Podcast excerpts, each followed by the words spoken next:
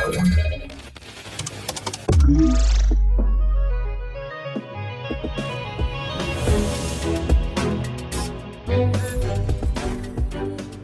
halo, tu Fundacja Bezpieczna Cyberprzestrzeń.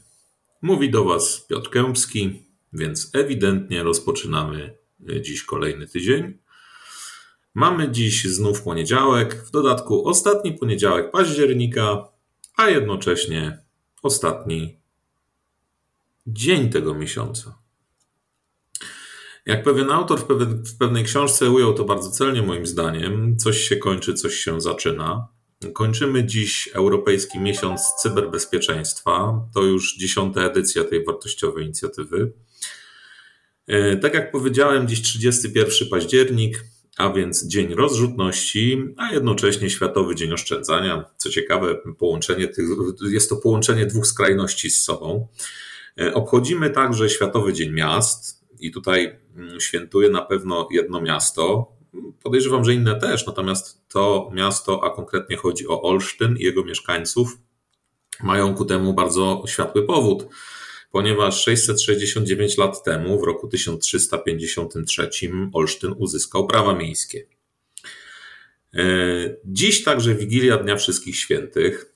Okazja, by wspomnieć wszystkich tych, którzy odeszli. Nasi przodkowie także ich wspominali nocą z 31 października na 1 listopada, kiedy to obchodzili dziady. E, Celtowie zaś e, również obchodzili w tą noc Wigilię święta Samhain. Za wielką wodą także święto, okazja dla dzieciaków do bezkarnego wyrządzania psikusów wszelkiego rodzaju oraz zbierania cukierków. Dziś obchodzony jest tam Halloween. Cyberprzestępcy także przygotowują psikusy, bądźmy więc czujni. Zapraszam na 278 odcinek podcastu Cyber Cyber w wydaniu raport, a dziś opowiem Wam o o tym, że polscy użytkownicy telefonów e, zostali stargetowani przez kampanię SMS. Tym razem phishing opiera się na popularnej sieci sklepów. E, ponadto miał miejsce cyberatak na firmę Aurubis, największego producenta miedzi w Europie, a także o raporcie, w którym badacze bezpieczeństwa publikują adresy IP ponad 80 serwerów Command and Control malware'u ShadowPad. Potem e, opowiemy sobie o e, podatnościach i aktualizacjach e, produktów firmy ConnectWise, a podatność ta umożliwiała zdalne wykonanie kodu. A nasze spotkanie zakończymy raportem opowiadającym o kolejnych złośliwych aplikacjach w sklepie Google Play. I tutaj miały one ponad 130 tysięcy pobrań i są niezwykle trudne do identyfikacji. Przechodząc do szczegółów, nowa kampania SMS. Do Polaków rozsyłane są SMSy. O, to takie podobne, że tak powiem, do tych, które otrzymywaliśmy już o tym, że odetną nam prąd, jak nie zapłacimy tam kilku złotych, o tym, że mamy przesyłkę i jest ona niewłaściwie opłacona. Tym razem oszuści podszywają się pod sklepy Żabka i oferują e, swoim ofiarom kupon na zakupy. W treści SMS-a możemy przeczytać, iż otrzymałeś kupon na zakupy od Żabka, a następnie w wiadomości znajduje się link E, utworzony z wykorzystaniem którejś z dostępnych usług, które skracają lub kodują adres prowadzący do witryny www. Tutaj w przypadku jakiegoś screenshota, na który natrafiłem, było, był to serwis tajny URL. SMS-y wysyłane są z różnych numerów, a linki niezmiennie prowadzą do fałszywej strony, która zachęca do kliknięcia w przycisk autoryzacji w celu odebrania kuponu od wartości, uwaga, 2000 złotych. Więc tutaj e, cyberprzestępcy e, no, już znaczną kwotę nam oferują, w cudzysłowie oczywiście. Kolejny ekran po kliknięciu tego przycisku to już klasyka, fałszywa bramka płatności, która wyłudza dane dostępowe do bankowości elektronicznej. Oczywiście w ramach kampanii musimy autoryzować się w naszym banku, tak żeby umożliwić żabce, w cudzysłowie żabce oczywiście, przelanie nam tych wspomnianych 2000 złotych. Samo kliknięcie w zasadzie w link, a także samo otrzymanie SMS-a nie jest zagrożeniem, nie powoduje problemów, dopiero wypełnienie formularza może skutkować kradzieżą pieniędzy z naszego konta bądź też e, innymi szkodami typu wyciekiem danych. Jeśli wypełniłeś formularz, jak najszybciej zadzwoń na infolinię swojego banku, poinformuj go o tym. Też proponowałbym e, e, podjąć jakieś środki mm, inne zapobiegawcze, w zależności od tego, jakie dane mieliście w swoim systemie mm, bankowości elektronicznej. Poszczegóły odsyłam do linków pod, naszych, pod naszym podcastem, gdzie znajdziecie mm, wiadomość twitterową CERT Polska oraz artykuł na niebezpieczniku. Przenosimy się za naszą zachodnią granicę. Niemiecki koncern Aurubis, największy producent miedzi w Europie i drugi co do wielkości na świecie, w oświadczeniu, które opublikował wczoraj na stronach internetowych, przyznał, iż stał się e, ofiarą cyberataku w ramach, który tak naprawdę mm, zaskutkował tym, iż koncern musiał wyłączyć e, systemy informatyczne. Zgodnie z oświadczeniem wyłączono wybrane systemy i nie ma to wpływu na utrzymanie ciągłości produkcji. Firma analizuje aktualnie zebrane dane podczas ataku.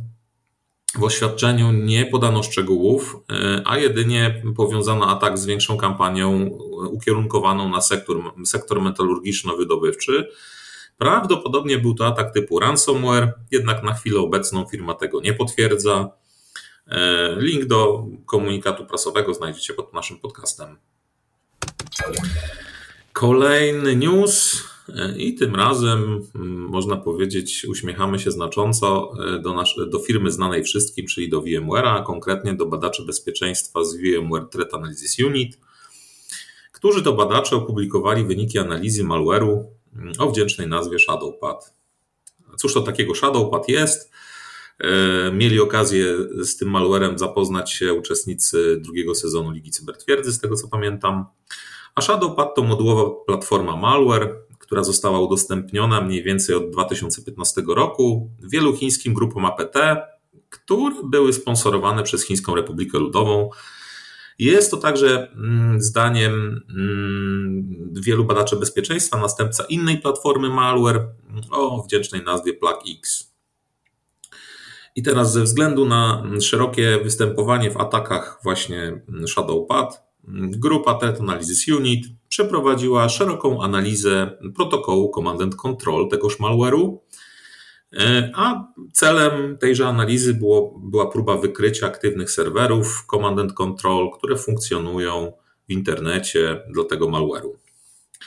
E, tutaj, jeśli chodzi o stronę techniczną, to malware ten może wykorzystywać do komunikacji z serwerem C2 6 protokołów, w tym TCP, SSL, HTTP, HTTPS, UDP i DNS.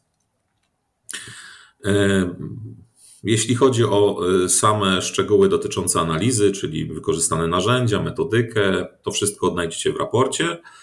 Natomiast y, jeśli chodzi o wyniki analizy, to przez rok, od września 2021 roku do września 2002 roku, badacze zidentyfikowali 83 serwery Shadowpada, y, co były, to były oczywiście serwery Command and Control, z czego było to 75 unikalnych adresów IP.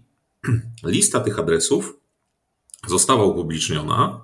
Znajduje się ona w serwisie GitHub. Link również pod naszym podcastem.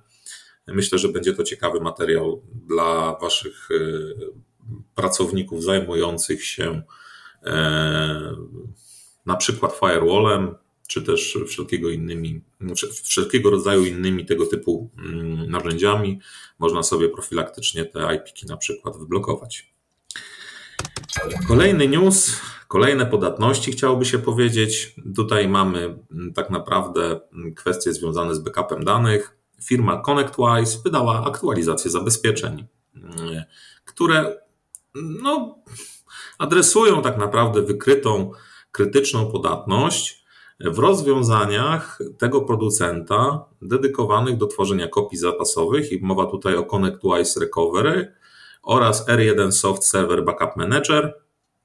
Jeśli chodzi o podatne wersje oprogramowania, to problem mają wszyscy użytkownicy rozwiązania ConnectWise Recover w wersji od y, tak naprawdę 2.9.7 i starszych oraz R1 Soft Server Backup Manager w wersji 6.16.3 i starszych wersji.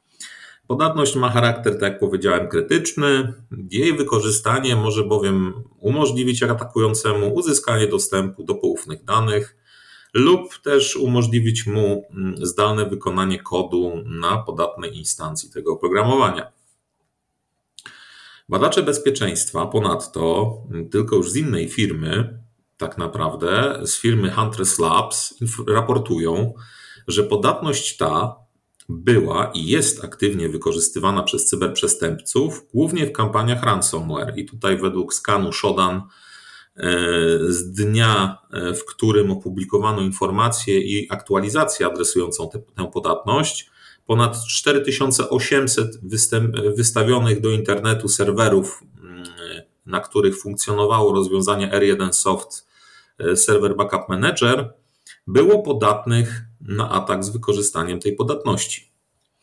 Także aktualizujcie swoje serwery, jeżeli korzystacie z tych rozwiązań, zainstalujcie łatki bezpieczeństwa wydane w piątek. I w ten sposób, w iście ekspresowym tempie, dobrnęliśmy do ostatniego newsa na dziś. Znowu badacze bezpieczeństwa, mm, znowu raport, y, ale tym razem w obszarze Androida, w obszarze tak naprawdę telefonów komórkowych. Badacze bezpieczeństwa z firmy Threat Fabric mm, odkryli nowy zestaw złośliwych aplikacji w sklepie Google Play. Tak jak powiedziałem, dotyczy kwestii Androida, więc posiadacze telefonu z nadgryzionym jabłkiem mogą się uśmiechnąć i spać spokojnie, przynajmniej jeśli chodzi o to zagrożenie.